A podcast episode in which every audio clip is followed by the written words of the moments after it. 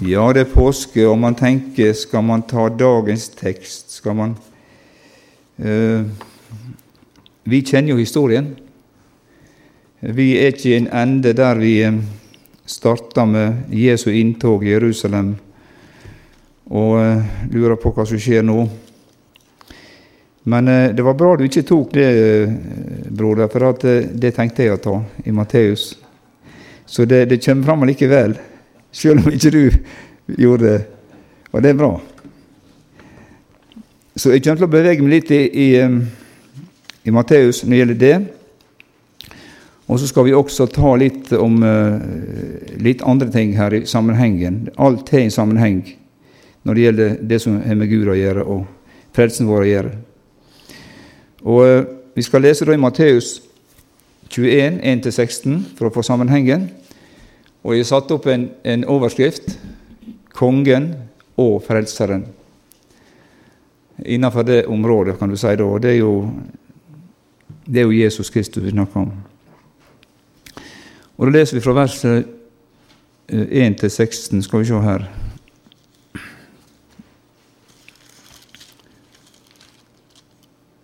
Ja, i Jesu navn. Da de nærmet seg Jerusalem og kom til Betfage ved Oljeberget, sendte Jesus to av disiplene av sted, og han sa til dem:" Gå inn i landsbyen rett foran dere, og straks skal dere finne et esel som er bundet, og en eselfole sammen med det. Løs dem og før dem til meg. Og hvis noen sier noe til dere, skal dere svare, Herren har bruk for dem.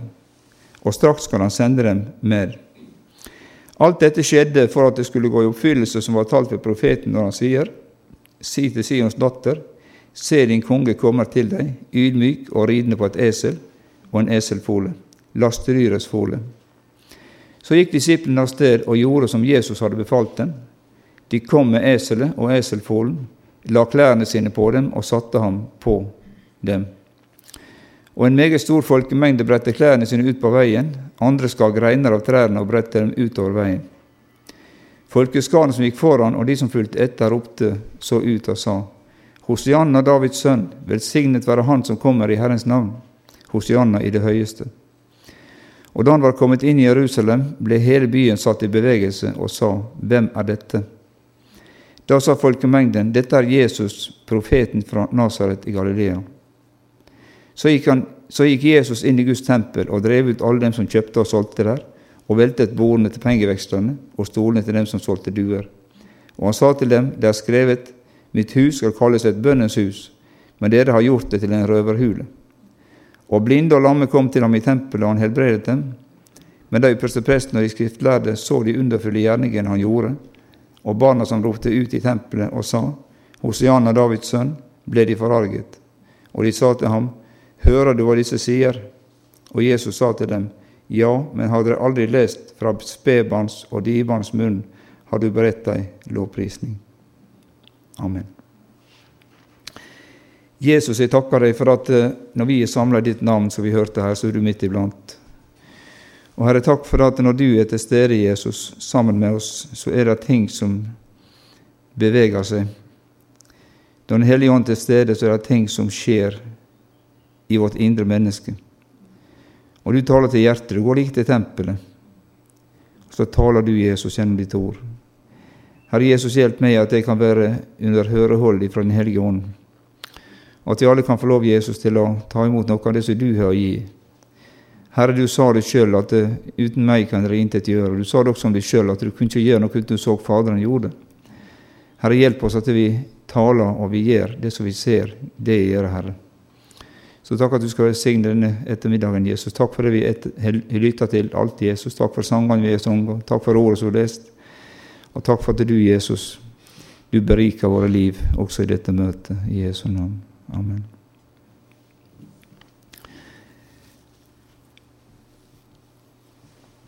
Det er jo sånn at når du på en måte skal forberede deg til et møte, så er det jo det at du ber til Gud om å få noe for det møtet.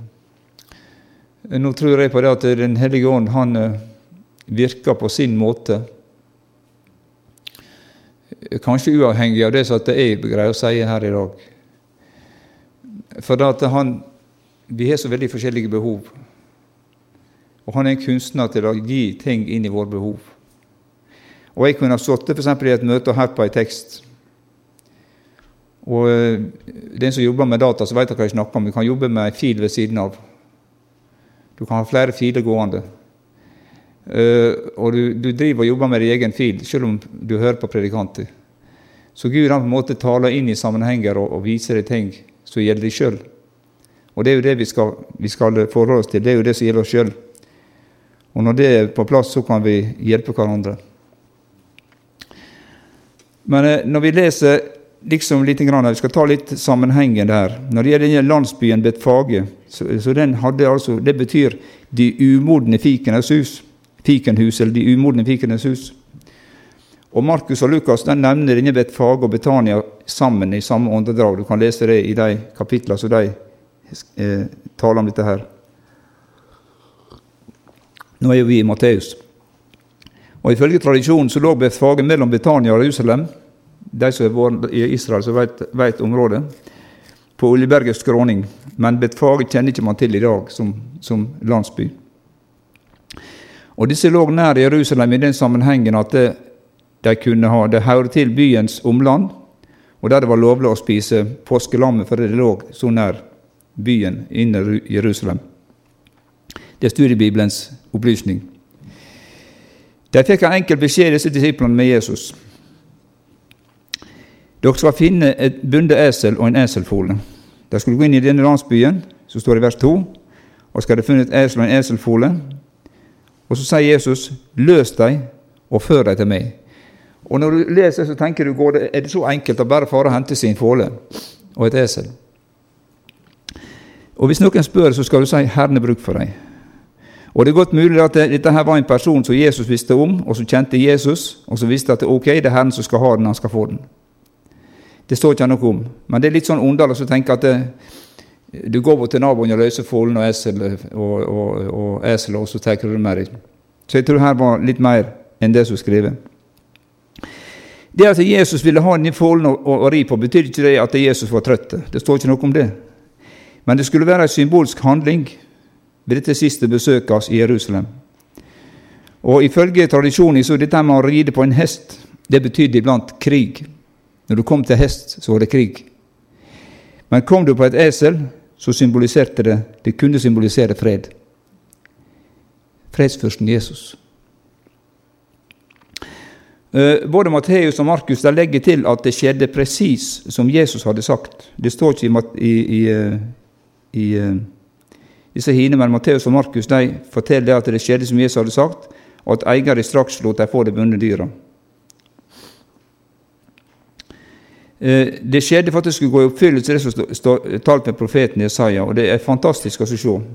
Jesaja 9,9.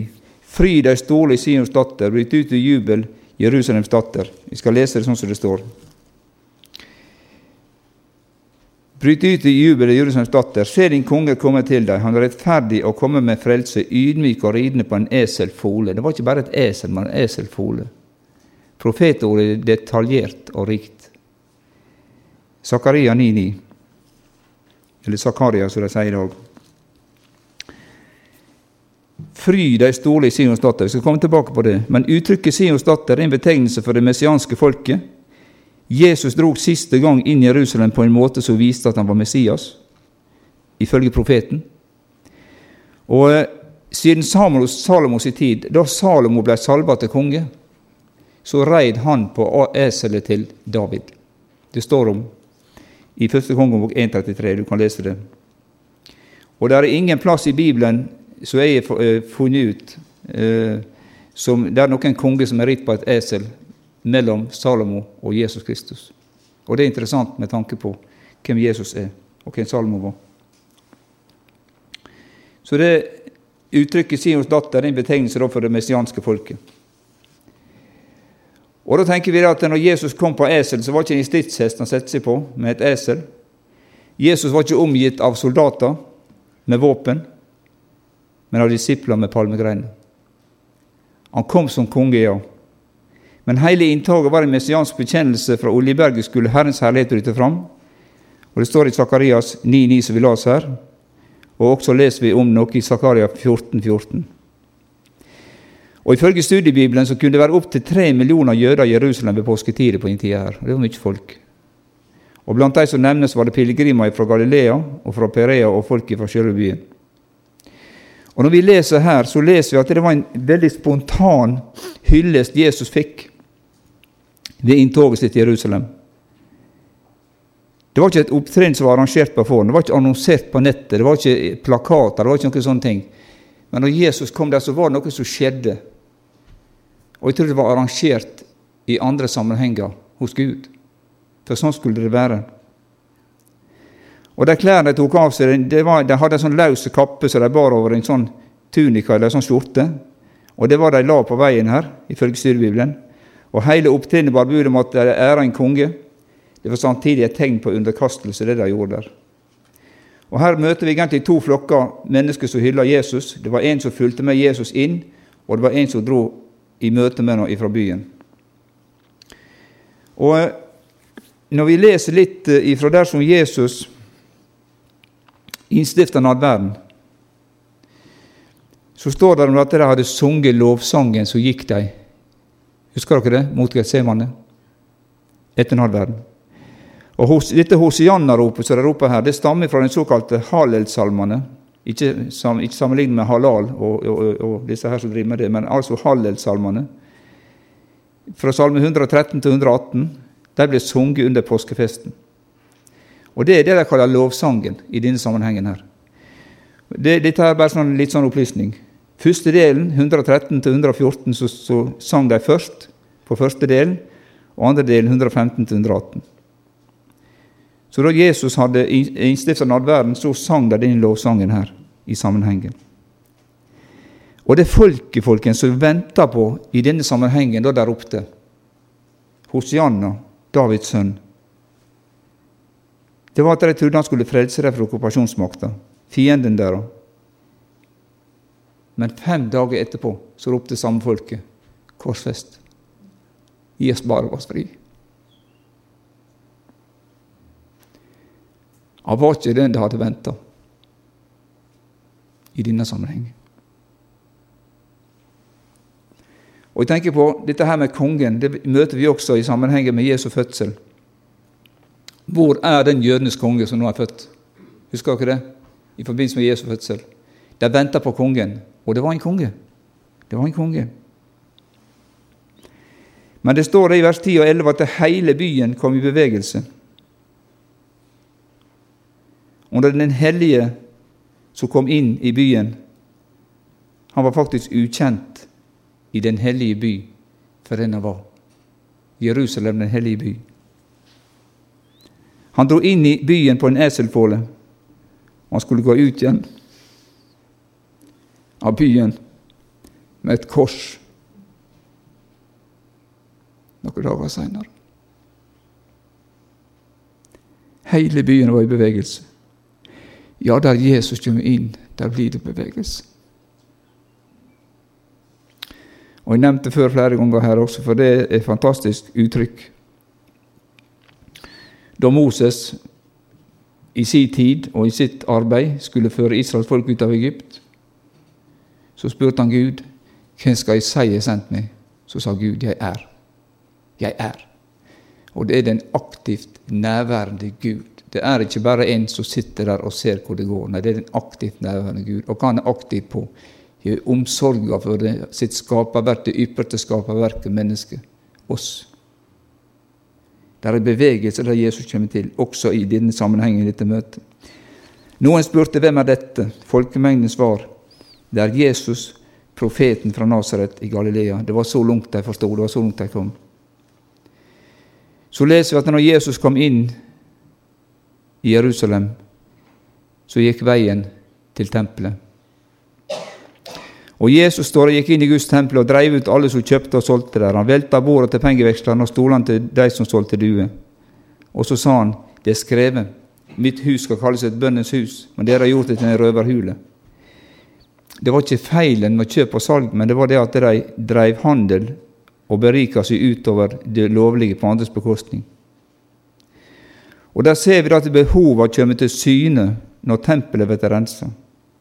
Behovene blir møtt. Står de blinde og lamme kom til ham i tempelet, og han helbreder dem. Og så er det det vanlige da at de første prestene og skriftlærde de liker ikke det som skjer. De blir forarga, og så hører barna rope Hosianna, Davids sønn. Hører du hva disse sier, sa de til Jesus. Ja, Jesus sa, ja, men har dere aldri lest fra spedbarns og dibarns munn har du beredt lovprisning? Og det er igjen profetordet som taler. Du, når Jesus kommer til tempelet, så blir det ommøblering. Det blir ommøblering. Det skjer ting. Og Vi skal se litt på dette her nå med Herrens frelse ved Hans ånd. Nå har vi sagt litt om dette her med hva det skjedde i forbindelse med det som er tekster for denne dagen i dag, i kirkeåret, da, så vi relaterer til denne dagen. Men vi skal slå, slå opp av Sakarias 4,6. Nå har vi kanskje ikke samme tekster vi eh, også på, på her, men eh, innholdet er jo det samme.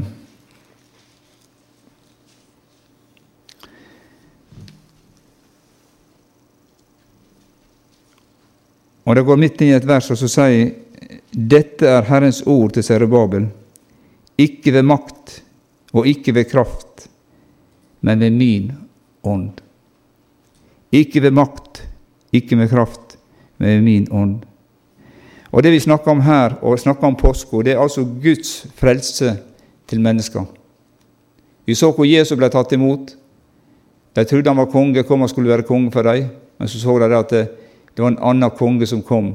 Det var kongenes konge som kom, og han var ikke den som de hadde venta på på den måten. Men Zakaria sier det her ikke ved makt, ikke ved kraft, men ved min ånd, sier herskarenes Herre. Og i Hosea 1,7 skal vi også tomle opp den. Hosea 1,7.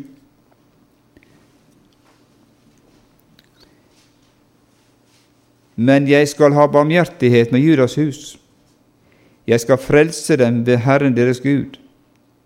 Jeg frelser ikke ved bue, sverd eller strid, ved hester eller ryttere.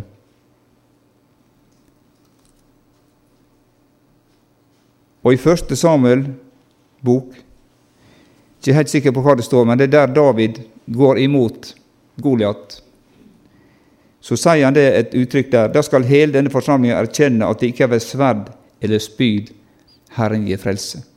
Han gikk imot Goliat med slynga si. Og jeg tenker på at her er vi inne ved kjerna av det som vi snakker om, Herrens frelse. Gud frelser ikke ved sverd spyd, Gud frelser ikke ved krig, men Gud frelser ved sin hellige ånd inn i menneskehjertet. Og der er et ord som på en måte fikk for meg et dypere betydning når jeg tenker på det her i dag. Og det er første Mosebok 14, 13. Eh, Moses og Israels folk de stender framfor Det røde hav. De har egypterherren bak som kommer og skal ta dem tilbake. De angrer på at de sendte dem. De skal ha dem tilbake til trellehuset. Og så er det én vei, og Gud har vist dem en vei gjennom havet. Og så sier Moses det med folket. Frykt ikke, dere skal bare stille dere opp og se Herrens frelse som Han skal fullbyrde for dere i dag. For slik dere ser Egyptene i dag, skal dere aldri i evighet se dem igjen. Og jeg tenker på at Det er ikke bare det at Egypten gikk under i vannflommen med hester og vogner og det som var, men det var et skille ved at det var Guds nåde, Guds under, som brakte dem ut og satte et skille mellom det gamle og det nye. Den gamle verden gikk under i vannflommen. Og du blir frelst og døpt, og vannet går over ditt liv, og du er oppreist med Han for å vandre ditt liv, så er det gamle ligger det gamle bak, og du er født av Ordet og Ånden. Du er født av vann og ånd. Og det er vi inne på dette her. Det er ikke ved makt eller kraft, men ved min ånd, sier herskarenes Herre. Og Det var det som skjedde i sammenhengen her med Jesus Kristus når han døde på korset. Han avvæpna maktene og myndighetene og stilte dem åpenlyst til skue idet han viste seg som seierherre på korset. Det var Jesu blod som rensa fra synd, det var Jesu blod som betalte prisen.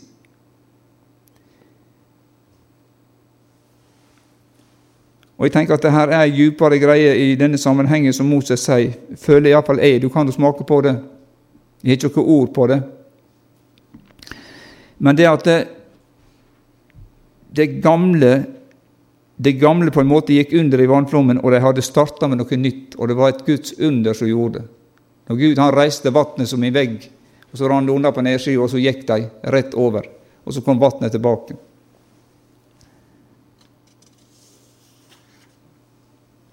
Og hør hva som står i Zakaria 9,10. Du har sikkert sett det. 9,10. Der står det Jeg skal utrydde vognen fra Efraim, og hesten fra Jerusalem, krigsbuen, skal utryddes. Han skal tale fred til folkeslagene, hans herredømme skal nå fra hav til hav, fra elven til jordens ender. Den er han Hvem er han det er snakk om her? Ja, det er han, mannen på trelldyrets fole. Han som der ropte Hosianna foran, mens de la et kors på og sendte han ut igjen av byen, ut til Golgata-høgda. Det er han som sa Min fred gir jeg dere.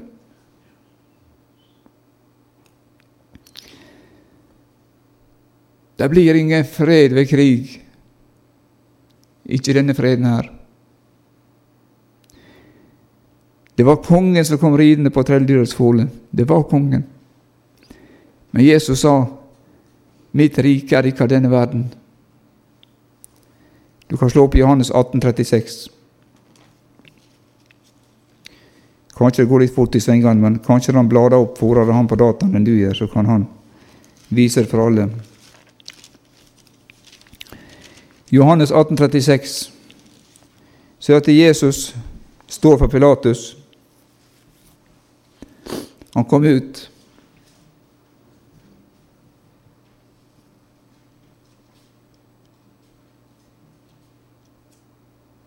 Og så sier Jesus det i vers 36.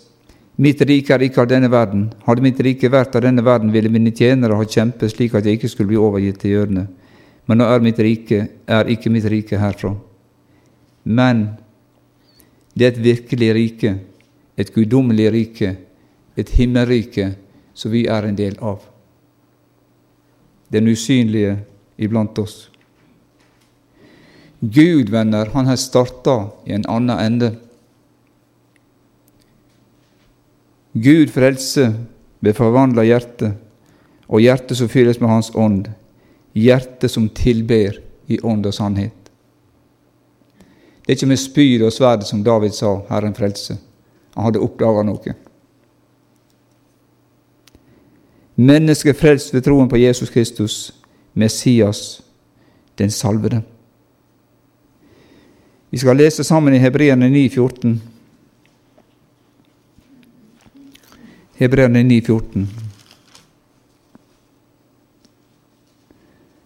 Og her står det om Kristi tjeneste i helligdommen er fullkommen som overskrift på min bibel. Men vi kan lese også 13 her.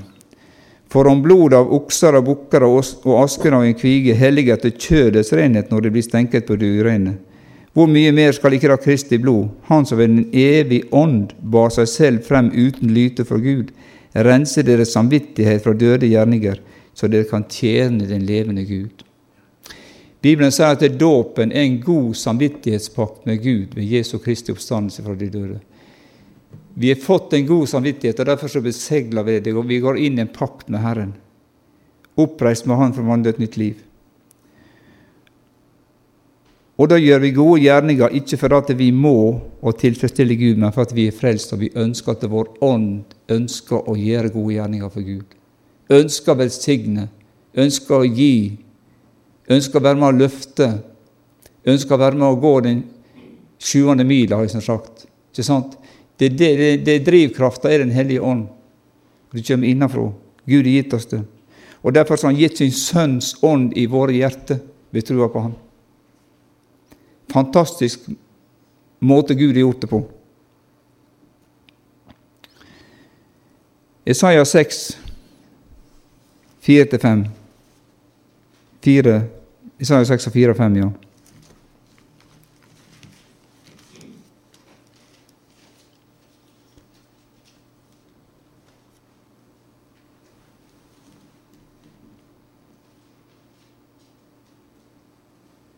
Er dette feil? Det står iallfall det at Gud er brutt i stykker åker på vår skulder. Da har jeg ikke tenkt feil her, antageligvis. Altså, Gud er brutt i stykker åker på vår skulder. Og så leser vi Isaiah 9,6. Den kjenner vi fra juleevangeliet. For et barn er oss født, en sønn er oss gitt. Herredømme er på hans skulder. Og han kalles under rådgiver, veldig Gud, evig far, fredsfyrste. Det er det som er utgangspunktet for det vi tror på. Og så bare siterer jeg fra Esekiel 36, 25-27. Nei, det er jeg nødt til å slå opp, for det er så sterkt. Esekiel 36, vers 26 og 27. Jeg skal gi dere et nytt hjerte og gi dere en ny ånd deres indre. Det er det som er redninga. Et nytt hjerte, en ny ånd. Hør hva han sier her. Jeg skal ta steinhjertet ut av deres kjød og gi dere et hjerte av kjød. Og det vil jeg si opplevde den dagen jeg ble frelst, når jeg sa ja til Jesus. Jeg fortalte det flere ganger. Da ga Gud meg et nytt hjerte, og jeg kjente dagen etterpå. Du er ny. Du er ny mann. Jeg kjente det. Jeg skal gi dere min ånd i deres indre, og jeg skal gjøre så dere vandrer etter mine lover, så dere holder mine dommer og gjør etter dem. Hva er det som skal drive det? Jo, det er min ånd. Det er Herrens ånd. Og Bibelen sier at har ikke du Kristi ånd, så hører ikke Kristus til. Stemmer det? Ja. Den som har Kristi ånd, hører, ånd, hører han til. Og Det er kjempevers, dette her, altså, vers Esekiel 36, 26-27. Det er så klart. Jeg skal gi dere et nytt hjerte og ny ånd i deres indre. Og jeg skal ta bort steinhjertet av deres kjød og gi dere et hjerte av kjød. Altså, jeg skal ta ut. Han tatte ut det gamle, og gir oss noe nytt i livet vårt. Stenke rent vann på dere, levende vann, sa han i vers, verset før, i vers 25. Jeg skal stenke rent vann på dere, så dere kan bli rene. Jeg skal rense dere fra alle deres urenheter og fra alle deres avguder.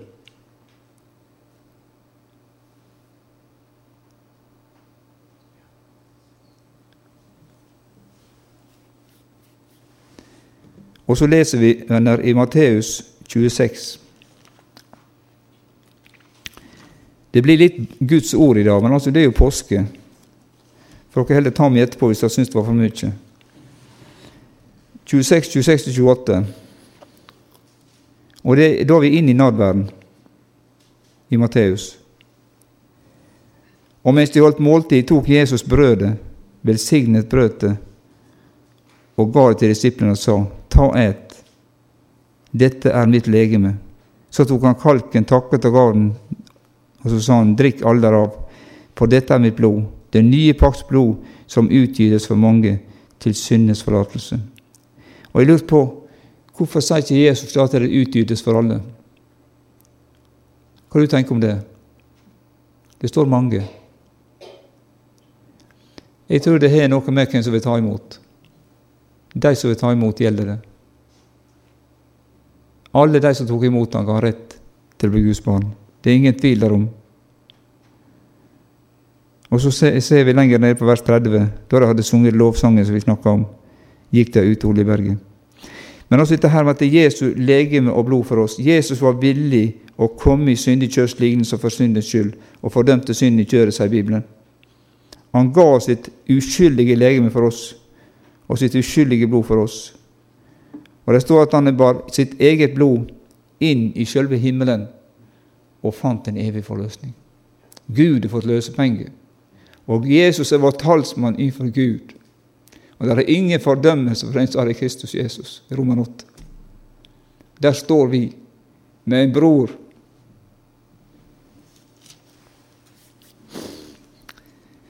innenfor Gud. Og jeg veit det er en som er tusenkunstner til å dra opp gamle synder, gamle ting ifra glemselens hav, der ingen har noe å gjøre. Og Bibelen sier dette som øster fra vest, og du kan prøve å måle det, du greier aldri å måle det. Så la Gud våre misgjerninger være langt borte fra oss. Det er forsoningen i Kristus Jesus. Jesu legeme og blod for oss. Dette er Jesu legeme. Dette er Jesu blod. Han ga det for oss alle. Og så leser vi i Johannes Han tar førersetet med fotvaskinga. Jeg har lyst til også å ta fram det, for det har noe med vårt liv å gjøre som kristne. Sånn som jeg ser det, i alle fall. Vi kan se litt forskjellig på det, men jeg tror at det er noen sånn basissannheter som er viktig å ha med seg. 13, vers 4. Johannes 13, vers 4.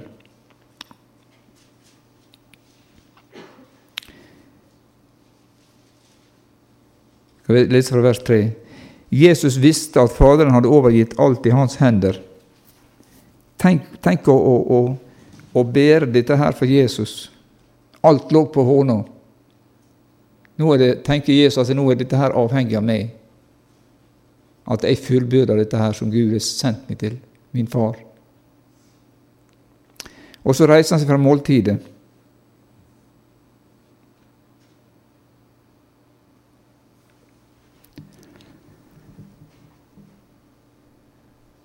Og jeg opplever det sånn at dette her er noe av det siste som Jesus må få sagt disiplene. For til og med helt inn i det nadværet her så kives de, disse disiplene. De var uenige om ting. Husker ikke hvem det er som skriver om det, men det var iallfall noe skisma med det. Så reiser han seg fra måltidet og legger fra seg klærne sine og tar et håndkle og binder rundt seg. I min gamle 30-oversettelse, 38 kan det være, 30 var det og også på grunntekster, så står det et linkle. Det står ikke bare et håndkle. Og lynet, det er et bilde på de helliges rettferdige gjerninger. Du veit Sjøgen Rav vet du, hun gjemte disse speiderne oppe blant linstenglene på loftet. Og det er også et bilde. Hun hadde hellige gjerninger. Han tok et håndkle til linhåndkleet og batt rundt seg. Så fyller vann i et fat, og så begynner han å vaske disiplene sine føtter. Tørker dem med håndkleet som han har rundt seg. Og så vet at han Peter han nekta, og så sa han det at du skal aldri vaske føttene mine. Og så sier Jesus det jeg gjør, forstår ikke du nå, men du skal forstå det seinere. Du skal slett ikke vaske føttene mine, sier han, i all evighet. Jesus sa hvis ikke jeg vasker deg, så har ikke du del med meg. Og da var han plutselig frampå. Da får du vaske hele meg, sa han. Så han var veldig sånn han Peter var en sånn kjapt fram og kjapt tilbake. Og der er noe som, som Jesus viser oss.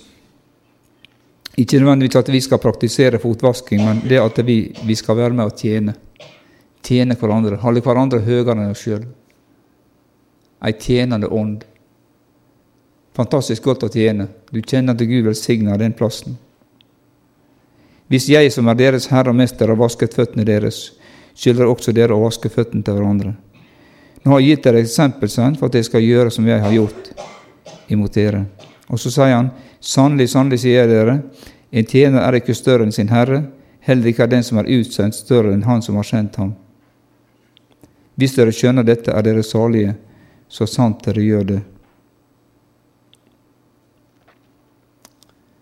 Og jeg tror at dette er noe som Gud minner oss på igjen.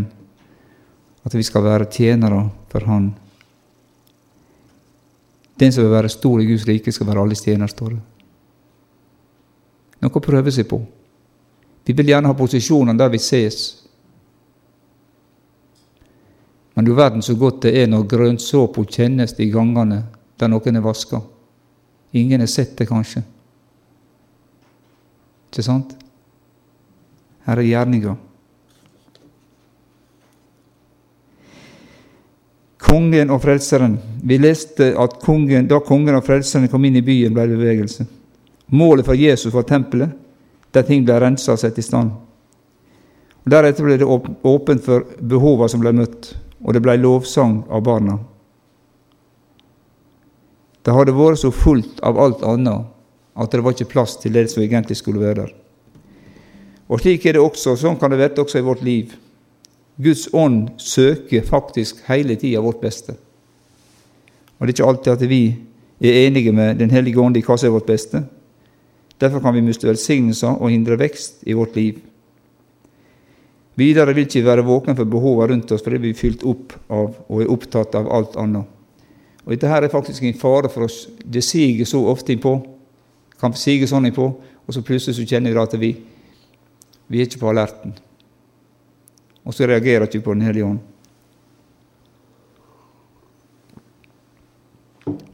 I dag, sier Bibelen, om dere hører Hans røst. Fariseerne sier, 'Hører du hva disse roper?' spurte de lovlærde da barna sang i tempelet. Ja, har dere ikke lest av barns og dimanns munn, har du beredt ei lovprisning.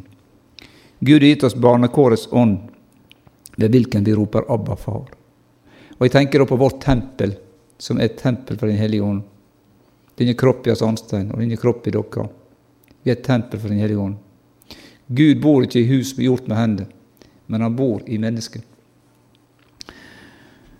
Og da tenker jeg at det, Herrens guddommelige salvelse bryter åket.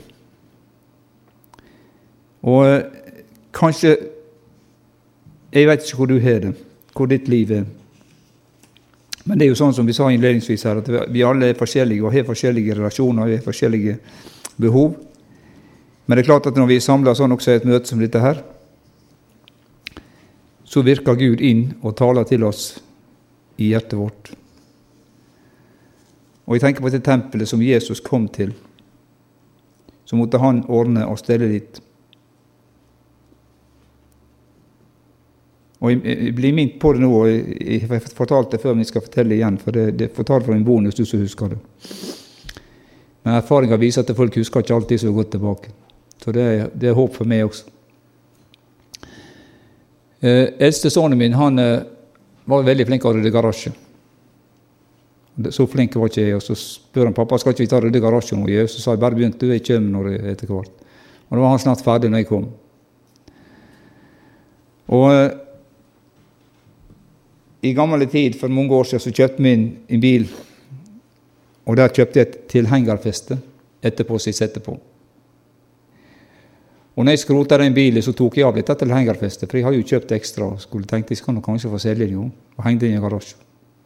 Han er Vauxhall Victor 1965-modell, så det er lenge siden det der. Og dette hang der. Og så rydda vi garasje år etter år. Gutten min han tok fram dette hengerfestet fram i døra så sa han, pappa skal ikke du hive dette her nå. Du har ikke bil, nei. Så sa jeg kan godt hende de kan ha bruk for det. Og det tok opp plass der det hang på veggen. Det var mange andre som var der.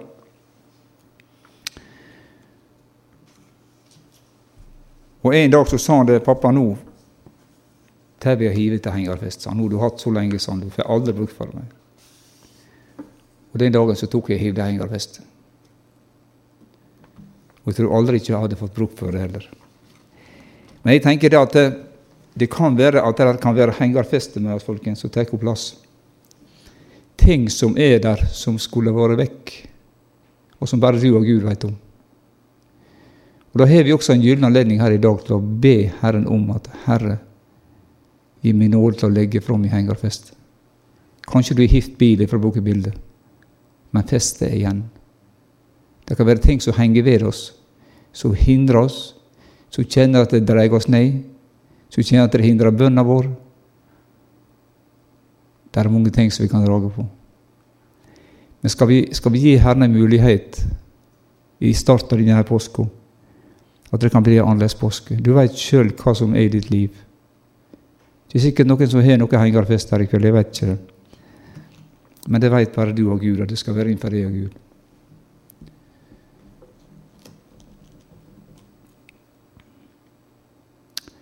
Jeg tror du, bror, skal få ta resten av møtet. Jeg kan synge en sang. At vi tenker over det i, i, eh, Tenk over det nå i ditt liv tenker du kanskje ja, men det kommer noen flere møter, og kan, dette kan jeg ta med Herren sjøl. Men når du kjenner Guds ånd virke i ditt liv, så skal du ta det der og da. For da vet du at da er Herren der, og da er Han mektig til å ta tinga som du kjenner på, og få det vekk. Det er så masse som kan hindre oss. Men Gud er fredstanker med oss. Gud er framtid og håp, og Han vil oss bare vel hele veien.